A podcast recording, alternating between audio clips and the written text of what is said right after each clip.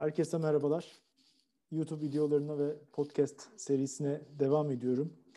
Ee, Türk lirasının dolar karşısında çok hızlı bir şekilde değer kaybetmesi nedeniyle e, esasen 2018 krizine benzer, 2018 kur krizini hatırlatan cinste bir çalkantıyla e, karşı karşıyayız. Ben bu videoyu e,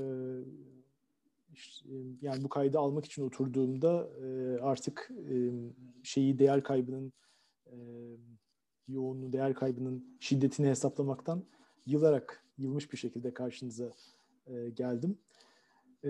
Bu 2018'dekine benzer diyebileceğimiz değer kayıpları sonunda Türkiye yükselen piyasalar olarak adlandırılan ve işte Arjantin gibi ülkeleri de katarsınız e, borç seviyesi nedeniyle ya da ekonomik büyüklükleri nedeniyle yakından takip edilen 25-30 e, civarındaki ülke arasında, küresel güneyde işte ve e, önemli ülkeler arasında para birimi 2020 yılında en çok değer kaybeden ülkelerden birisi haline geldi. Arjantin'le birlikte iki ülkeden birisi haline geldi. Bu söz konusu çalkantının ve hızlı değer kaybının arkasında son dönemde alınan e, politika önlemlerinin e, ve ekonomik gelişmelerin bir etkisi var. E, kısaca hatırlatmak e, uygun olacaktır. Pandemi sırasında Türkiye'deki otoritelerin temel tepkisi 2018-19 krizinden mülhem bir şekilde esasen kredi genişlemesini teşvik etmek oldu kredi genişlemesini teşvik ederek 2020 yılının ikinci çeyreğinde gerçekleşmiş olan ekonomik daralmayı kısa bir süre içinde hafifletebileceklerini ve aşabileceklerini düşündüler. Bunun gereği olarak da devlet bankalarını çok yoğun bir şekilde kullanarak bir kredi genişlemesi, Türkiye Cumhuriyet tarihinin en büyük kredi genişlemesini sağladılar. Peki bu şekilde yapılan müdahalenin etkisi nedir? Bağımlı olan, yurt dışından fon girişine bağımlı olan ve pandemi ortamında belirsizlikler nedeniyle zaten daha kırılgan olan e, Türk lirasının durumunun daha netameli hale gelmesidir. Bilindiği üzere, hatırlayabileceğiniz üzere 2018 kur krizi sonrasında Türk lirasının dolar karşısındaki değerini hafifletmek e, ve bu değer kaybının temposunu azaltmak amacıyla Merkez Bankası ile ticari bankalar arasında bir devri daim makinesi oluşturulmuştu. Ee, Merkez Bankası ve ticari bankalar arasındaki bu takas işlemleri sayesinde Merkez Bankası bilanço dışı yükümlülükler biriktirip bunları kendi rezervi olarak gösterip e, bunlar üzerinden döviz piyasalarına müdahale edebiliyordu. Ancak herkes biliyor ki bu sürecin kendisi Merkez Bankası'nın müdahale kapasitesinin aşınmakta olduğunu gösteren bir süreç. Peki pandemi sırasında kredi genişlemesiyle ekonomik canlanma sağlamak için can hıraş bir şekilde uğraşın sonucu nedir? Türkiye ekonomisinin yeniden açılması sürecinde dövize olan ihtiyacın e, giderek artmaya başlamasıdır. Dövize olan ihtiyaç karşısında ve pandemi kaynaklı belirsizlikler karşısında Merkez Bankası'nın Türk lirasını savunabilecek e, bir kapasitesi söz konusu muydu? Hayır. Bilanço dışı yükümlülüklerin e, Eylül ayı sonu itibariyle 60 milyar doları aştığını biliyoruz. Dolayısıyla bu tarz e, önlemlerin ve sonuçlarının yansımasını görüyoruz. E, fark edilebileceği üzere yine jeopolitik gerginlikleri son sebep olarak e, ekleme tercihindeyim. 2018'de de böyleydi, 2020'de de böyle. Jeopolitik gerginlikler Türkiye'deki birikim rejiminin, birikim modelinin, birikim stratejisinin sıkıntılarını ve Türkiye'nin bağımlı finansallaşmasının getirdiği sıkıntıları e, açıklamak için e, başvurmamız gereken nedenler arasında yer almıyor. Jeopolitik gerginlikler tuz biber ekiyor. E, bu değer kaybını hızlandırıyor, daha sert hale getirebiliyor. E, Türkiye üzerinde beklentilerin, e, Türkiye ekonomisine dair beklentilerin daha olumsuz bir hale dönmesine etkide bulunabiliyor. Bu, bu böyle bir etkisi elbette var. Ama kalkıp bunun üzerinden e, kur krizlerini açıklamak, bunun üzerinden Türkiye'nin yaşadığı sorunları açıklamak açıkçası e, kriz yönetiminin kendisini, e, ekonomi yönetiminin çok boyutlu e, bir şekilde e, müdahalelerde bulunduğunu e, görmezden gelmek anlamına gelecektir. kısaca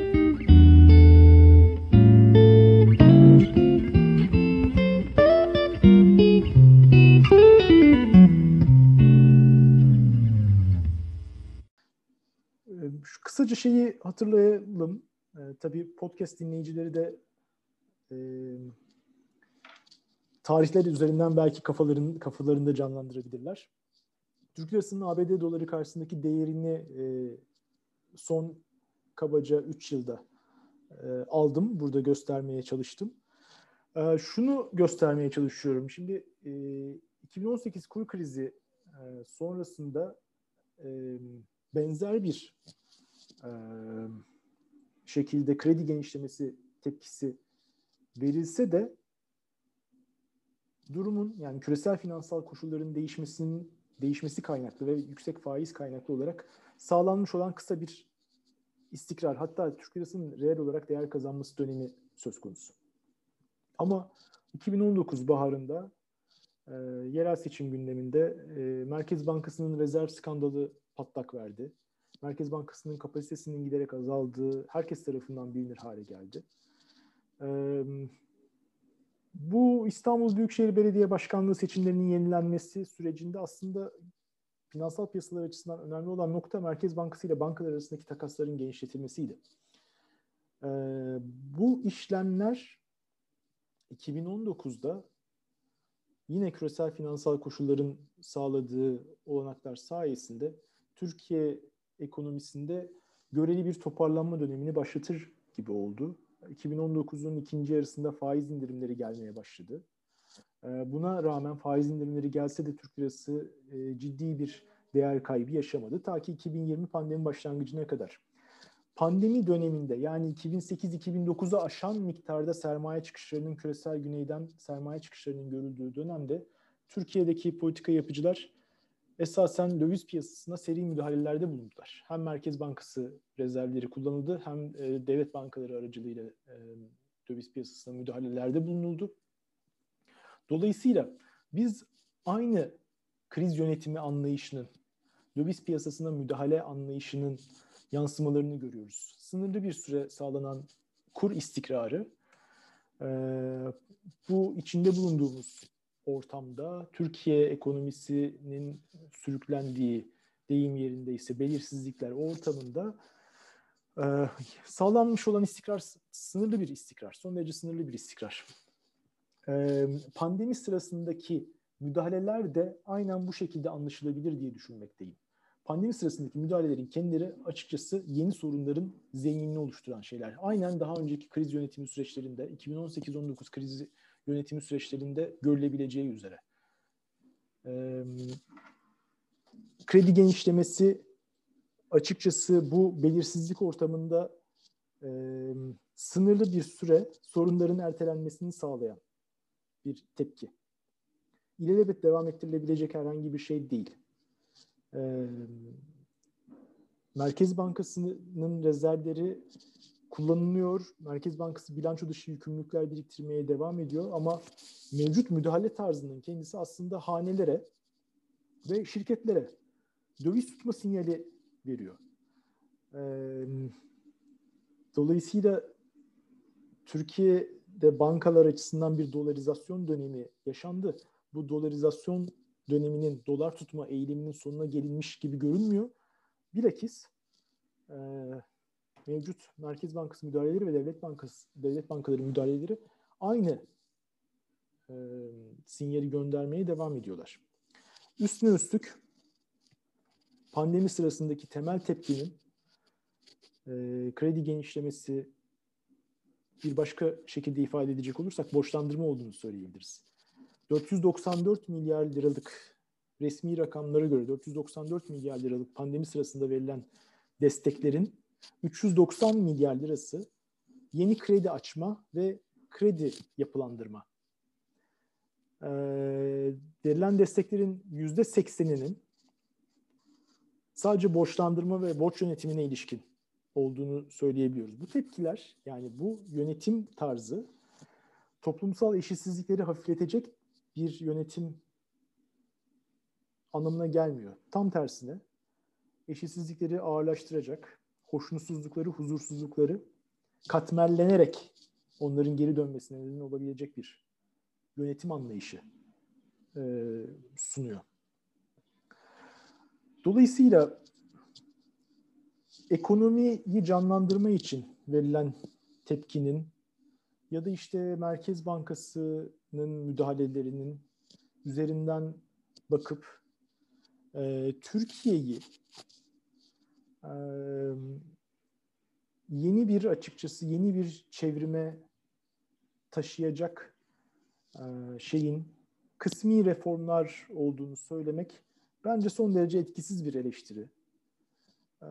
Türkiye'nin dünya ekonomisiyle bütünleşme biçimini, Türkiye'nin neden bu tarz çalkantıları en ağır yaşayan küresel güney ülkelerinden birisi olduğunu sorgulamak gerekiyor.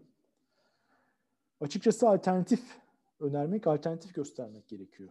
Tam da bu nedenle 2018'de olsun, daha sonrasında 2020'de pandemi sırasında, çöküş sırasında olsun ya da e, içinden geçmekte olduğumuz kur krizi sırasında olsun, eğer alternatif öneriler, yeni bir paket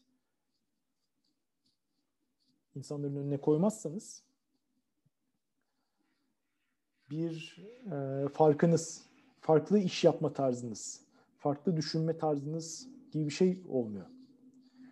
Farklılık arz eden bir siyasi söylem. Temel hak ve özgürlüklerden bahsetmiyorum. Daha ötesinde elbette ki temel hak ve özgürlükleri savunacak muhalefet partileri. Ama onun dışında bir iktisadi politika seti ortaya koymazsanız Türkiye'deki tahribatı, pandemi kaynaklı tahribatı azaltacak, eşitsizlikleri hafifletecek bir politika seti ortaya koymazsanız açıkçası kendinizi birçok alanda, kriz yönetimi alanında mevcut iktidar blokundan farklılaştıramıyorsunuz. İnsanların kafasında en azından farklılaştıramıyorsunuz.